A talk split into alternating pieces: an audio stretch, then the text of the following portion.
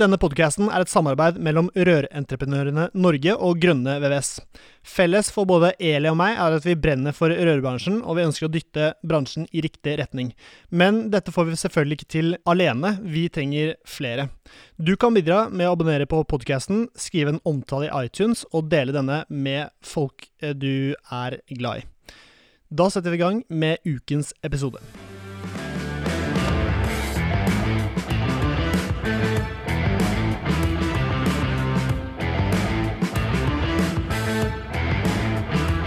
Hallo, hallo. Hjertelig velkommen til ny episode av Bare rør med Eli og Poppe. I dag har vi en supergjest. Det er strålende vær ute mens vi spiller, eh, spiller denne poden her, og vi er eh, klar til å gyve løs på, på episoden. Um, ja, Eli, skjer det noe, noe spennende med deg for tiden? Ja, nå håper jeg at vi begynner å nærme oss de tider at vi kan få lov å begynne å jobbe på kontor igjen. Verden begynner å åpne seg litt. Så syns jeg jo det å komme hit og møte deg, Severin, det er alltid en glede. Ja, i likeså. Det er helt, eh, helt herlig. Eh, I dag har vi en gjest som, eh, som, også er veldig sosial når han er på, på jobb, men det er fortsatt hjemme, hjemmekontor. Eh, Eli, kan du presentere dagens gjest? Mm. Han heter Jan Helge Flåtten, og han underviser i ledelse på Fagskolen i Oslo.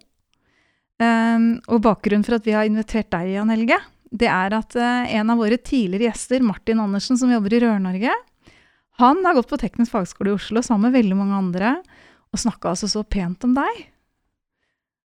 Ja, det er veldig hyggelig at Martin mm. gjorde det. Uh, jeg har bare gode minner fra Martin, ja, så, så, så, han uh, satt litt spor etter seg, han. Og, og, jeg har jo fulgt han litt siden. Jeg er jo klar over at han fikk jobb her etter hvert. Mm. Så absolutt. Er dere, er dere close, eller? Hvordan er forholdet deres? Nei, jeg er ikke sånn close at jeg eh, Jeg tror ikke jeg er venn med han på Facebook eller uh, følger han på noe vis, sånn sett. Men jeg, jeg, er veldig klar over han, og det er morsomt å kunne ha i hvert fall kjennskap til hvor noen av studentene, jeg klarer ikke det med alle, Eh, ender opp, selvfølgelig.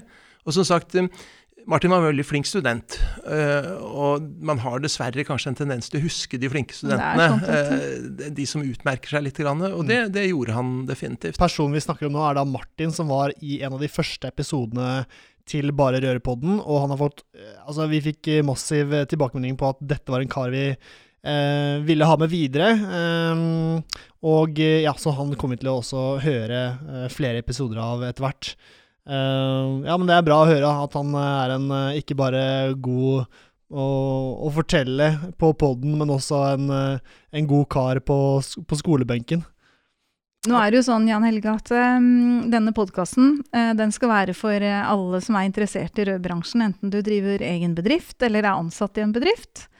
Og da tenkte jeg, da, når vi begynte å snakke om ledelse Severin hadde veldig lyst til at du skulle snakke mer om ledelse, og han er jo midt i et løp for å bli rørleggermester nå. Som da er et litt annet løp igjen enn det som man tar når man går teknisk fagskole. Så når jeg fikk høre at Martin hadde hatt deg i fag i ledelse eh, på fagskolen, eller heter faget ledelse, forresten? Fag heter LØM. Ledelse, ja, økonomi og markedsføring. Ja. Og, og, ledelse det er en forkortelse egentlig for organisasjon og ledelse. Ja. Så det er litt bredere enn akkurat bare ledelse. Mm. Ledelse er liksom en, en del av, eh, av uh, organisasjonledelse, som igjen er en del av lømmen, da. Fordi jeg tenker at det eh, man utdanner seg til når man går på teknisk fagskole, er jo å kunne ta bl.a. mer ansvar som leder i den bedriften du er i, eller som om det er som prosjektleder eller leder av en egen bedrift, så er jo det viktig kunnskap å få med seg på veien. Uh, du, jeg tenkte det har vært litt sånn spennende å hørt eh, når du underviser på fagskolen, hva, hva, er det man Altså det er mange som sitter og hører på som jeg tenker at kanskje har vurdert å begynne på fagskolen. Og det er vel ikke så stor forskjell på det man underviser i de, på de er det ni forskjellige steder det er teknisk fagskole på Kemna, tror jeg, i Norge. Det kan stemme. Eh, og det er vel ikke så stor forskjell? Dere har jo ganske sånn lik læreplan, vil jeg tro? Ja, læreplanen er lik. Og, og f.eks. på Fagskolen i Oslo så er vi det eneste som har en sentralgitt eksamen. altså Dvs. Si at NOKUT og systemet langt over fagskolen eh, arrangerer eksamen. Og, ja. og, så det er en felles eksamen. Ja for alle som har løm. Mm. Og det er egentlig et kvalitetsstempel, rett og slett. De andre fagene uh, kan egentlig lærerne selv lage eksamen. Har man ikke rukket å komme gjennom et tema, ikke sant? så kan man bare kutte ut ett eksamen. litt, da, altså Forenkle det litt. Så, så vi syns det er en, definitivt en, eh, en bra ting. Mm. Men når du skal legge opp et undervisningsopplegg da, på fagskolen, hva er det du liksom Hvor, hvor legger du list? Begynner du helt basic? For du, du har jo Ja, jeg begynner ganske basic. Og uh, nå teller nok økonomien mest av disse tre uh, delene av lømmen. Så, så teller liksom økonomien mest. Det er mer sånn bedriftsøkonomi? Det er bedriftsøkonomi, ja. Det er altså at man skal kunne lære å, å forstå et regnskap. Mhm.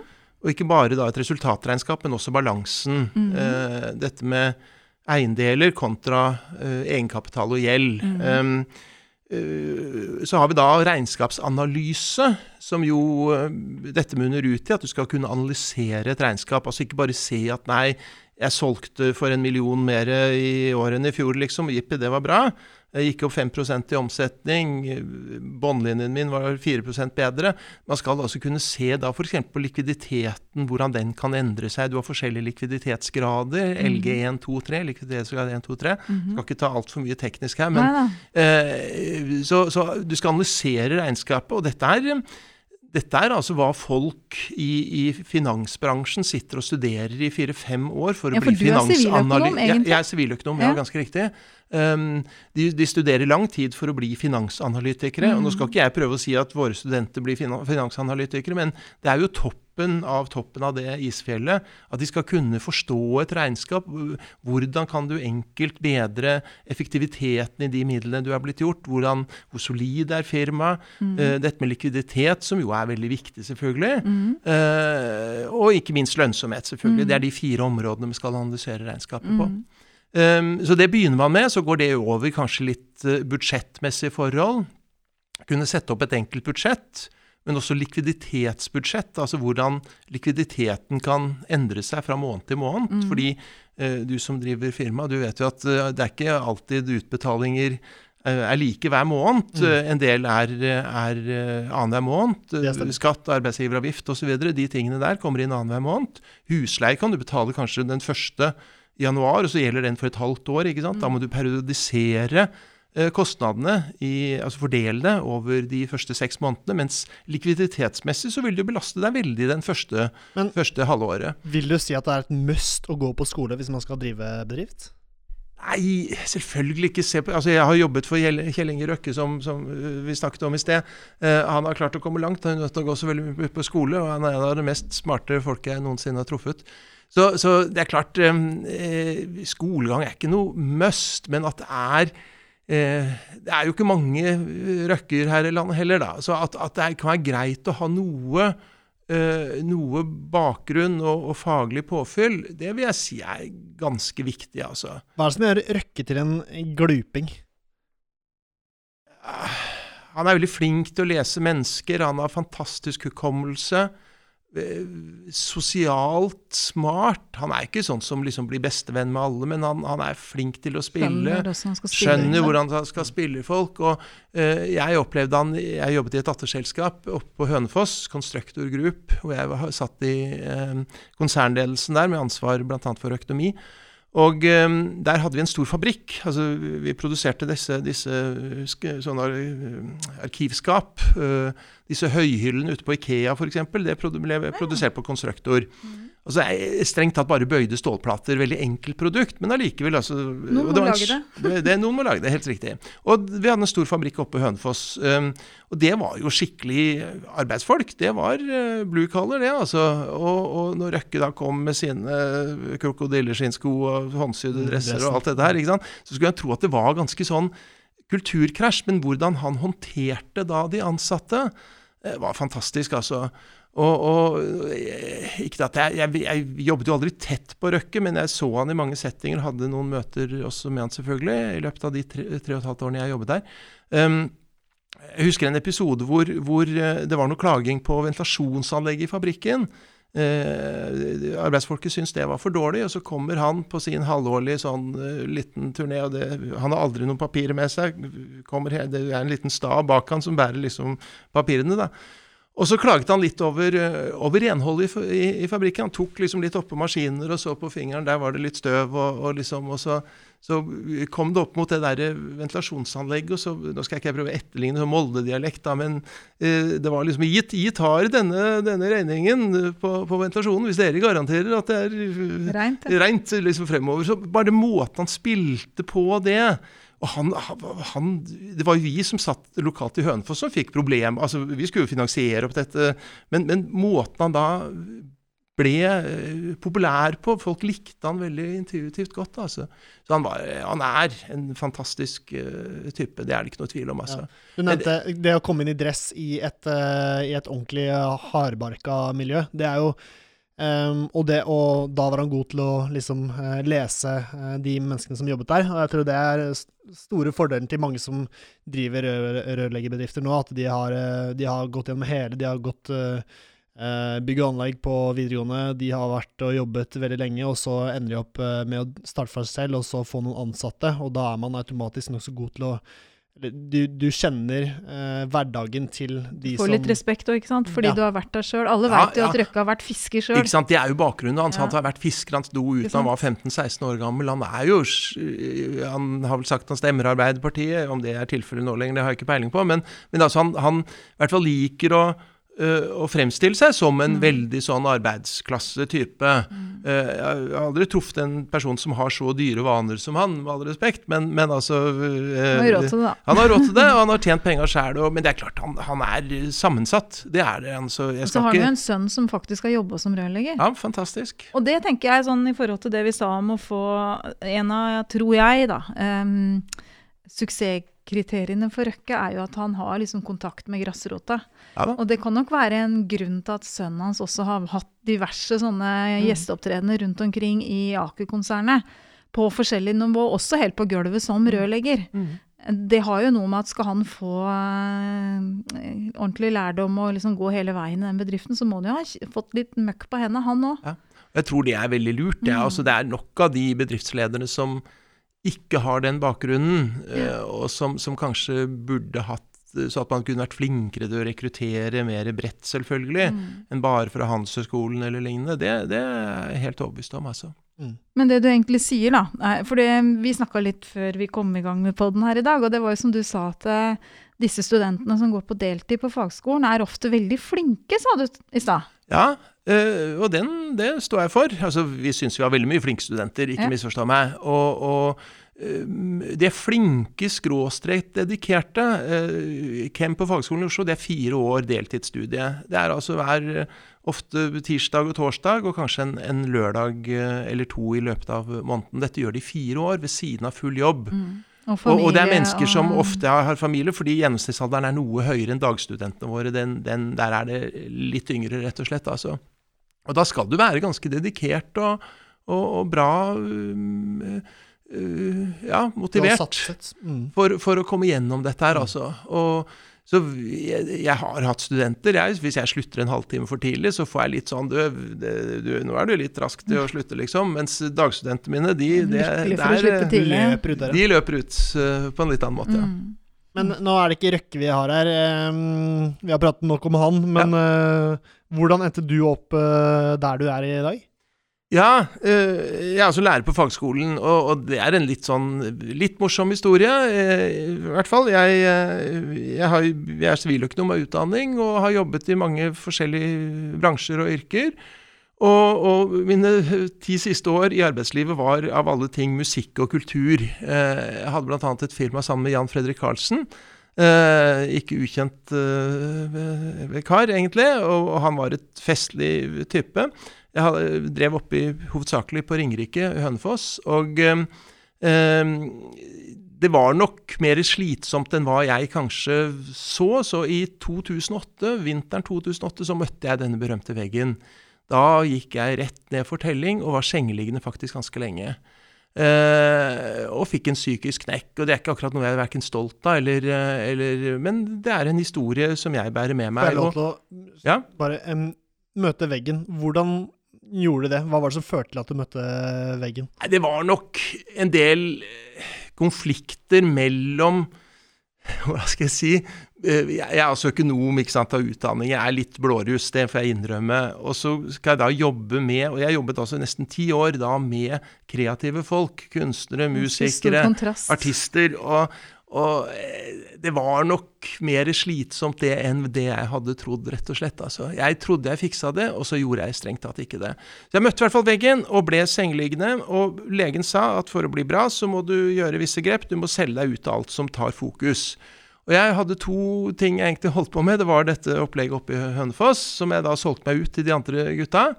Og så hadde jeg øh, noen utleieleiligheter. Jeg hadde begynt å spare litt på små utleieleiligheter. Det var liksom Målet var å kjøpe under millionen. Øh, det er da leiligheter som nå blir solgt for tre, så du kan jo liksom tenke deg hvor ja, artig det var. Det, det visste jeg kunne ikke jeg vite noe som helst om, men dette var altså i 2008.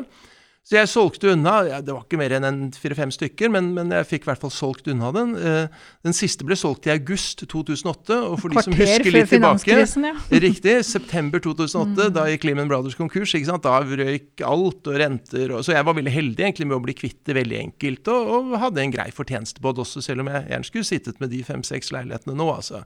Det er det ikke noe tvil om. Men um, jeg solgte meg nær sagt ut av alt som liksom kunne ta fokus når jeg var dårlig, var syk, og ble selvfølgelig Nav-klient. Og så gikk jo tiden. Jeg ble bedre, selvfølgelig, og skulle begynne å søke litt jobber igjen. Jeg var passert 50 med god margin. Uh, og da var det ikke så veldig lett egentlig å få jobb. Uh, så, og jeg var i Nav-systemet, og dette er noe jeg forteller til studentene mine, fordi vi har studenter som ofte, ikke ofte, men gjerne kan komme fra Nav-systemet mm. under omskolering. De kan ha arbeidsskader osv. Og, så og, og, og kan ikke stå og montere uh, rør under en kjøkkenbenk osv. Rygg og alt som er. Dette vet du mye mer om enn ja. meg, selvfølgelig. Ja. Um, men i hvert fall, uh, kona mi er lektor, uh, og hun ivret litt sånn ja, 'Hvorfor prøver du ikke undervisning, Jan Helge?'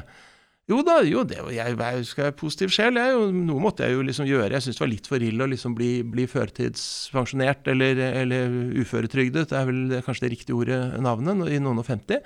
Så jeg, jeg, jeg, gikk inn på Oslo kommunes hjemmesider, så på en tyvetalls videregående skoler og sendte et ganske likelydende brev, riktignok endret av adresse og rektor og sånn, da, til disse 20.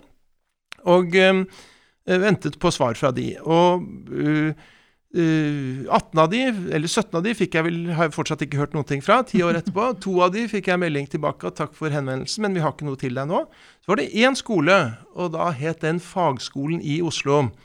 Eh, FIO het det da, for jeg har endret litt navn. Eh, med rektor Terje Bogen, og det er ikke han Terje Bogen som ga, ga eh, Brå en stav oppe i Holmenkollen, men navnebroren. Eh, veldig hyggelig kar som, som, ringte meg og sa vi har lyst til å på en prat med deg. Og Jeg hadde aldri hørt om fagskolen i Oslo. Jeg, jeg, jeg, hadde bare hatt, jeg hadde, jeg hadde, den på en liste som jeg hadde da sett på Oslo kommune, så det var bare tilfeldig at jeg i det hele tatt hadde skrevet en søknad dit. Så jeg, jeg, eh, Hva gjør du da? Jo, når du aldri har hørt om et sted, jo, du går inn og googler det selvfølgelig, og ser på hjemmesiden deres. Og jeg ser jo at dette er den gamle tekniske fagskolen i Oslo. Jeg er siviløkonom. Altså, du, du, skulle lete ganske godt inni den hjemmesiden før du fant noe om LØM, mm. ledelsesøkonomi og markedsføring. Og det klarte ikke jeg å finne. Så da jeg gikk på min første avtale med Terje Bogen, så er jeg 99% sikker på at jeg ville komme inn, få tilbudt en kopp kaffe, som jeg har blitt tilbudt her, og så begynte å prate, og så ja, Er du økonom? Vi trodde du var sivilingeniør. Det er det vi har behov for. Der er døren. Takk skal du ha. Men utrolig nok, da. Lang historiekort. kort. vi traff veldig ålreit tone, og jeg ble ansatt uh, uh, og begynte å jobbe da fra 2011 på Fagskolen i Oslo med løm. Og jeg syns jeg har hatt mange spennende jobber. Jeg har jobbet Min aller første jobb var for nå veldig nylig avdøde Hans Rasmus Astrup. Jeg jobbet i Ferndis i skipsmegling fantastisk spennende. Jeg jobbet altså for, for Aker Ergi, Gjelsten og Røkke. Jeg har hatt spennende jobber innen eiendom. Uh, men jeg tror jeg faktisk aldri har trives så godt i en jobb som den jeg har nå. Aldri kanskje tjent så dårlig, det får jeg kanskje si, men, men det er digresjon. Uh, det er ikke så veldig viktig, uh, faktisk. I hvert fall ikke når du har blitt litt opp i årene og har det huset og den hytta og den bilen du stort sett ønsker å ha. Så, så eh, stortrives som lærer, virkelig. Og det er nok hovedsakelig pga. studentene. Det er mye med, med, kollegaer også, det er fantastisk bra kollege vi har, men, men, kanskje spesielt studentene. Og der er nok en erkjennelse Jeg er altså kald akademiker i den grad at jeg er siviløkonom. Hele min vennekrets, oppvokst på Nordberg, Tåsen Nordberg, jurister, leger, eh, ingeniører osv. Mor og far var utdannet. Min bror er overlege i Bergen. Min søster på universitetet i, Kristiansand. Så jeg er litt sånn akademikerbarn. Eh, og så kommer jeg da selvfølgelig og vasser i, eh, i sånne der, eh, folk med fagbrev, ikke sant? Og, og, oppdager jo at det er jo fantastisk ålreite folk. De er jo smarte, de er ikke noe duster. For det er det mange tror, vet du. Ja, selvfølgelig er det mm. Ja, så det, er, det har jo Dette, dette, det er, dette er jo noe som Dette er jo noe som selvfølgelig Hva skal jeg si er mye fokus på nå. Å heve, for, altså, Alle disse fordommene, ikke sant? Heve, ja, riktig. Og jeg skal stille meg først i rekken på at jeg hadde fordommer mot de, mm. uh, men funnet ut at det er akkurat som uh, Ola Dunk, alle andre. Altså, det er flotte folk der. Det er noen drittsekker også, men det er det jo hjelpe meg, meg i, andre kretser, mange, mange, mm. andre kretser også. Altså. Fordi eh, nå, Jeg jobber jo masse med rekruttering til rødbransjen, og dette er jo en av de tingene som veldig mange ungdommer møter når de kommer hjem til sine foreldre og si at eh, du, mamma, jeg har lyst til å bli rørlegger. Mm -hmm. Og så sitter jo mor og far og har en akademikerdrøm for sin uh, datter eller sønn. Um, sånn at Dine erkjennelser hadde jo vært fint å få fram uh, andre steder enn akkurat her også. Jo, Jan sikkert. sikkert. Jeg, jeg har en, en, faktisk en ganske god historie der. Uh, jeg begynte jo i 2011. Da var fagskolen nede Jeg vet ikke om vi har tid til dem, dere får bare stoppe meg hvis jeg prater med dem. da var vi nede på Sofienberg. I 2013 så, så bygget Oslo kommune Nord-Europas fineste lærerbygg. Jeg vet at du ikke har så gode minner fra herfra, etter hva jeg forsto? ja, jeg tok svennebrevet for, um, eller på kuben, så jeg um, ja, Det gikk jo nei, bra, det?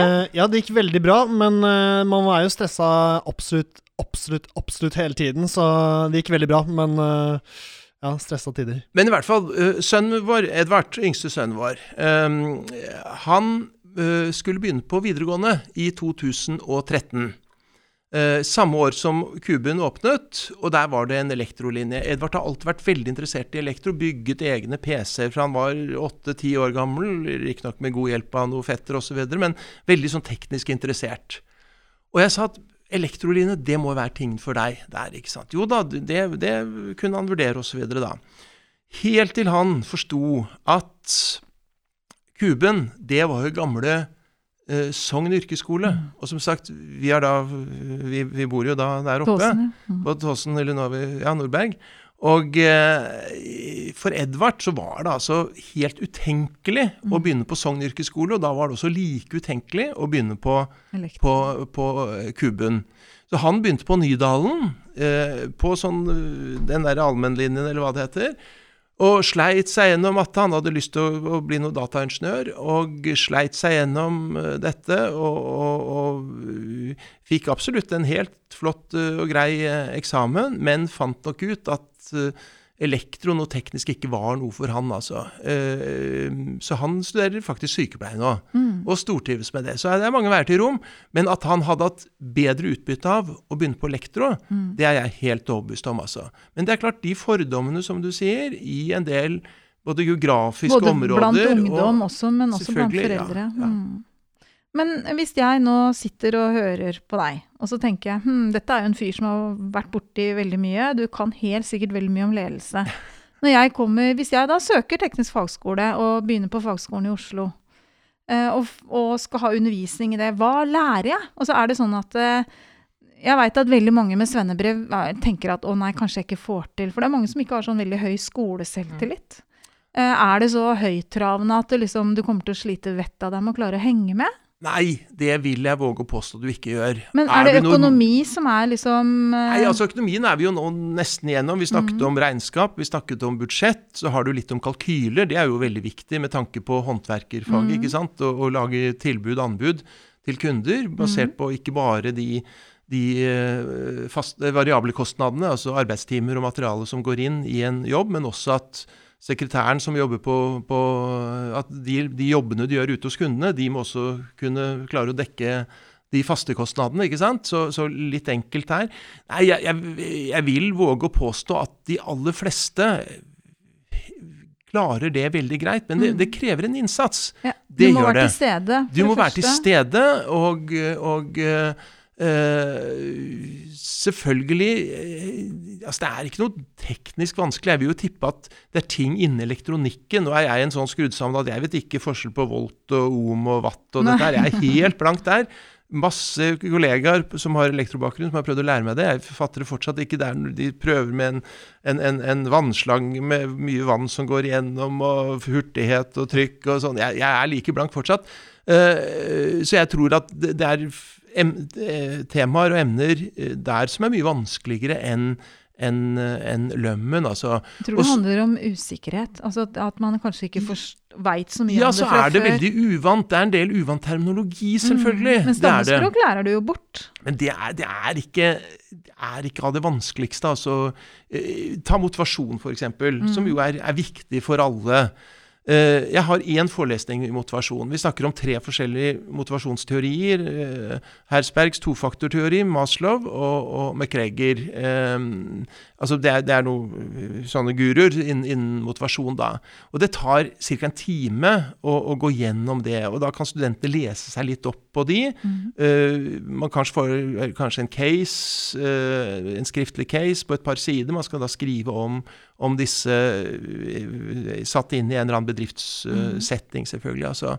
Ehm, så jeg, jeg, jeg, håper jo virkelig ikke at folk ikke begynner på fagskolen fordi de tror det er for vanskelig. Nei. Altså Jeg skal ikke si det er lett Nei, for det er heller. For det, det, det ikke, prosess. Ja, det er det definitivt. Og det, vi snakket om dette forskjellen kanskje mellom fagutdanning og de som går mer allmenn. Eh, muligens at de som, de som, Nå må du korrigere meg hvis jeg tar feil, men kanskje det var ikke de som tok Eh, norsk stil lettest. ikke sant? At de sleit seg litt med liksom den teoretiske forankringen. Derfor kanskje begynte man litt med praktiske fag. Men, så, så, det er jo en, en, kan være en utfordring, og de det ofte kanskje er størst utfordring for, det er jo en del av våre nye landsmenn som, som, ikke kan språket så godt. Ja. Altså, vi, snakker, vi prøver å forankre dette med verdier, f.eks. Ganske grundig. Norske verdier eh, prøver jeg å snakke om, og da har jeg fått hånden i været, ikke jeg. Og ja, det er vel, det er jo oljen, det, det som er sant? norske verdier. Nei, det er ikke akkurat det vi snakker om. Det er likestilling og respekt for eh, demokrati og annerledes tenkende og alt dette her. Det er kanskje det altså. å se eh, og vite hva man skal bruke det til, det man lærer på skolen. For jeg, virker, eh, jeg merker at det, da jeg gikk på vanlig skole og ikke visste hva jeg skulle bruke la oss si gym, da, så var ikke det like motiverende å holde på med. Men hvis jeg Altså, nå driver jeg et uh, firma og vet at dette her, hvis jeg ikke lærer meg det her, mm. så enten så kommer jeg til å lære det i en, uh, i en sammenheng der hvor jeg går skikkelig på trynet. Ja, hvor det kan bli dyrt. Eller så har jeg flaks og ikke kommer i den situasjonen, da. Men det er jo det er viktig å få med seg det som skjer, da, hvis du skal uh, hvis du skal ja, få bruk for det du lærer deg. Altså, jeg er helt overbevist om at den, den LØM-delen av fagskolen kan være viktig for en god del, eh, god del studenter vi har. Eh, vi kaller det jo en lederutdanning, faktisk. Altså, Fagskolen er en lederutdanning. Mm. Vi, vi, det er jo for at man skal bli løftet opp. Det er mm. sagt et hakk i den grad at man kan snakke om nivåer osv. Mm. Mellomledere. Vi har jo helt toppledere i norske samfunn mm. som har tatt eh, fagskoleutdanning. Uh, så det er ikke noe Sky's the limit, virkelig. altså. Men de fleste vil nok ende opp i en eller annen form for mellomlederposisjon. Noen starter egne firmaer, selvfølgelig, sånn som du har gjort. Uh, og da har du veldig god greie på, spesielt når du skal begynne å ansette folk, en rekrutteringsprosess går vi gjennom. Vi har snakket om motivasjon, noen enkle ledelsesprinsipper. Det er jo uh, egentlig, jeg tenker sånn, Hvis du sammenligner med å ta lappen altså Når du blir 18 år, så kan du ta førerkort. Og da må du ta teori, og du må være ute og kjøre med en kjørelærer for å få, liksom, få praksis nok, og så må du ta en eksamen for å få lov. Mm. Og sånn I forhold til det å drive firma, så tenker jeg det er litt sammenlignbart. At den teorien ja. du får her, det ruster deg til å liksom bedre takle det du møter på veien. da. Eh, når du skal drive en bedrift. Definitivt. Uh, og jeg, jeg, der vil jeg nok si at uh, Nå er vel mester, nå må dere korrigere meg, for dette vet dere bedre enn meg, men dette med mesterbrevutdanning som du nå tar, den skal jo nettopp forberede deg for å kunne, kunne bygge et firma mm. og, og, drive et firma på fornuftig vis. Mm. Det får du jo selvfølgelig Eh, som student ved fagskolen så får du nettopp mesterbrev, vel, eh, i hvert fall på byggelinjen. Hvis du har en viss karakter, så får du utstedt mesterbrev i etterkant. Helt riktig. I tillegg til at du ja, er fagskoleingeniør. Ja, i tillegg til at du er fagskoleingeniør. Mm. Det er helt riktig. Så for oss syns vi det er en sånn vinn-vinn-situasjon. Og, og, det er klart uh, markedet skriker etter utdanning av folk, Mm. også på dette nivået her. Det snakkes om at vi mangler eh, flere titusen eh, Vi må være 3500 flere rørleggere uh, i 2035. Ja. Og i mellomtida da så har veldig mange av de vi har utdanna til rørleggere, utdanna seg videre Mm. innen både fag og andre Ja da, ting. Sånn ja. at vi, vi trenger et godt påfyll av folk som er så flinke på skolen at de også kan velge å både gå fagskolen, eventuelt gå vi, Mm. vi trenger også veldig mange med bachelor og master i, i, med vårt bakgrunn i vårt fag. Helt klart. Så Men hvor går veien for eh, elevene som du har, eh, har hatt? Vet du det? Ikke sånn i detalj, men du ser Martin har jo begynt her, da, f.eks. eksempel. De, de, det er overraskende mange, syns jeg, som går inn i familiefirmaer. Eh, føler jeg. At det er Mhm. mange som, som kommer fra en For det, det er nok yrker som går til dels i arv. Vi vet at jurister går vel i arv, Mhm. og lege, familier osv. man har sett at mor Men- og far har det bra i jobb, vet du. Helt riktig. Og, så, så det er nok noe der. Mm. Um, det er klart, Ser du at faren din har en utfordrende og spennende jobb, ikke sant? eller moren, moren for den saks skyld, ikke misforstå meg, så er det nærliggende å kanskje kunne tenke i samme baner. Mm. Um, når jeg sier faren, så er jo dessverre det faktum altså jeg, jeg har tre klasser nå, og jeg har vel Jeg har eh, jeg har tre, tre jenter. Én jente i hver Mange er det i hver klasse. Det er ca. 25 som begynner. og så er det Altfor lav andel, Alt for Altfor lav andel. Altså. Det er Mm. helt forferdelig dumt, det der. der altså. Men det blir veldig ofte Men én er 100 ganger bedre enn null, for jeg har Ja, klasser uten noe som helst. Mm. Også det én jente modererer faktisk gutta ganske mye. Altså, Det sier bedriften vært bedriftene en- også. Eh, altså Jeg syns det hadde, skulle vært eh, ekstrapoeng eh, for å fått flere eh, jenter inn på Modererer gutta, det er det beste jeg har hørt. men det er faktisk sant, Ja, det, Severin. Nei, jeg, det er akkurat det jeg mener. Moderere gutta, det var, det var eh, bra ordlagt. Mm. Nei da, så, så fagskole, mesterutdanning, kjempemessig springbrett, virkelig, altså. For folk med fagbrev, uten tvil. Og de som da har lyst til å gå på teknisk fagskole, kan jo risikere å møte på deg, litt avhengig av hvilken linje man går. Ja, da må de være kjappe, da. Jeg er 63 og har, har lyst til å pensjonere meg. Hard Nei to get, nei ja. da jeg, jeg vil gjerne jobbe til jeg er 70, for jeg, jeg trives så godt. eh, at jeg, jeg skulle gjerne stått til jeg er 72, men det, det er det på Oslo kommune, så blir du sparket ut når du er 70. Men eh, sånn er det bare. Men det viktigste, tenker jeg, da, er å prøve å ufarliggjøre den Og, og det du sa om at veldig mange sønner av fedrene sine, som det da foreløpig er Mm. Det kommer sikkert noen flere døtre av fedrene sine etter hvert, eh, og mødrene sine. Men veldig mange må jo faktisk, for å kunne ta over den bedriften videre, gå på teknisk fagskolen for å være rusta til å drive bedriften videre. Og det er nok en selvfølge for veldig mange som har en, eh, en arving eller to som skal gå videre i bedriften, at man går videre og tar den utdannelsen man trenger. Det handler jo om sentral godkjenning og liksom godkjenning for å kunne Klart. ta på seg forskjellige typer jobber. Da. Ja, klart. Så, Og det, det er veldig lurt, det. Og, og bare så vidt tilbake til disse jentene. Nesten uten uttak så er det nesten klassens flinkeste, faktisk. altså. Mm. Og det er flinke jenter vi har med å gjøre. altså.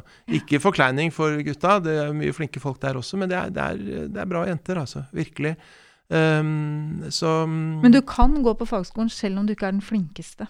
Å ja visst. Det er nå engang sånn. Ja, men det ja, er, nei, det er- mange, mange jenter som har litt prestasjonsangst. Og det går på det at det er så få, ikke sant? så du blir så innmari synlig. Sikkert. Så det blir mye flinke piker der ute som jobber vettet av seg for å liksom kunne Ja da, leve opp til de forventningene som er, da. Helt riktig.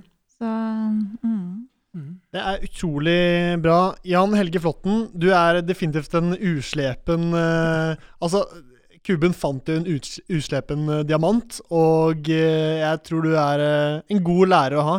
Skulle gjerne hatt deg sjøl. tusen takk for at du kom i dag. Er det noe, er det noe du vil legge til? Uh, Nei, ikke annet enn det var kjempehyggelig å bli invitert, syns jeg. Og jeg, jeg syns jo det er viktig, øh, ikke minst med den bakgrunnen jeg har, å prøve å fronte det lille jeg, jeg kan og, og, og har å si, egentlig. Ikke minst med tanke på det vi snakket om, dette med bakgrunn og, og, dette. Og disse fordommene, Disse fordommene, som kanskje er der, for- som du hadde selv? Jeg tror liksom verden kan bli et bedre sted hvis vi, Mm. hvis vi åpner øynene litt grann, og er litt mer sånn ikke har skylapper alltid. At liksom det er bare én vei som er en, eh, en, en bra. Og eh, rent økonomisk så er det i hvert fall ikke noe, noe, eh, noe, noe eh, dumt å, å ta en fagvei, Ja. altså. For jeg, det er jo dere som kanskje er, blir lønnsadelen, i hvert fall i, eh, kanskje på, på Og så har verden endra seg. For det er veldig mange akademikere ikke har fått med seg Jeg har en sivilingeniørmann Mm. Som har erkjent at det å ha en fagbakgrunn også kan ha sin verdi. For vi har veldig sånn komplementære ferdigheter i forhold til at han kan veldig mye rart som ikke jeg kan. Men jeg skal love deg at jeg kan veldig mye rart som ikke han kan. Helt sikkert. Eh, og nå er det jo sånn at det å ta en fagutdanning eh, som et utgangspunkt når du er 16 år, det stopper deg ikke fra eventuelt Du kan gjerne gå på Handelshøyskolen fordi om du har gått og tatt en rørleggerutdanning først. Ja da. Og det var ikke noe selvfølge tidligere. Sånn at uh, verden har jo gått videre på den måten. Og jeg håper vi klarer å ha et skolevesen som fortsetter å være fleksibel. For det er ikke alle som er modne uh, til å ta mer utdannelse når de er eh, 16 år. Det kan hende, du, Spesielt gutter har jeg lært at veldig mange er litt mer uh, skrudd sammen når de er 25 enn når de er 16. Eh, at modenheten om ambisjonene kanskje også har kommet etter hvert. Mm. Helt riktig. Ja, supert. Da prøver jeg å avslutte en gang til. Ja. Ja, supert. Det er, det er så gøy når jeg sitter og prøver å avslutte, og så gir jeg ordet til gjesten, og så begynner Eli å prate med gjesten, og så plutselig så sitter Eli og Er prater om noe hun er skikkelig gira på å pushe frem. da. Så, men det er supert. Det er engasjement. Takk for det, Eli. Um, Jan Helge Flåtten, tusen takk for at du gadd å komme. Det var eh, glimrende. Eh, Eli, takk for at du kom igjen. Eh, dette var da en ny innspilling av Bare Rør med Eli og Poppe. Jeg håper du som hører på har Vet du hva, tusen takk for alle som sender inn spørsmål og innspill på hva vi kan bli bedre på. Det setter vi utrolig stor pris på. Jeg håper dere og alle andre som hører på, har en fortsatt super dag. Vi prates om en uke. Ha det så lenge. Halla, hvis du likte denne podcasten, hadde vi satt utrolig stor pris på om du abonnerte og gir oss en tilbakemelding i avspilleren. Eh, spre gjerne ordet videre til andre i rørbransjen som brenner for rørleggerfaget og er opptatt av å drive en seriøs rørleggerbedrift. Mitt navn er Severin Poppe Midteide, og med meg har jeg co-host Eli Hermine Heidal Eide. Sammen er vi to podcasten Bare Rør med Eli og Poppe. Et samarbeid mellom Grønne VVS og Rørentreprenørene Norge.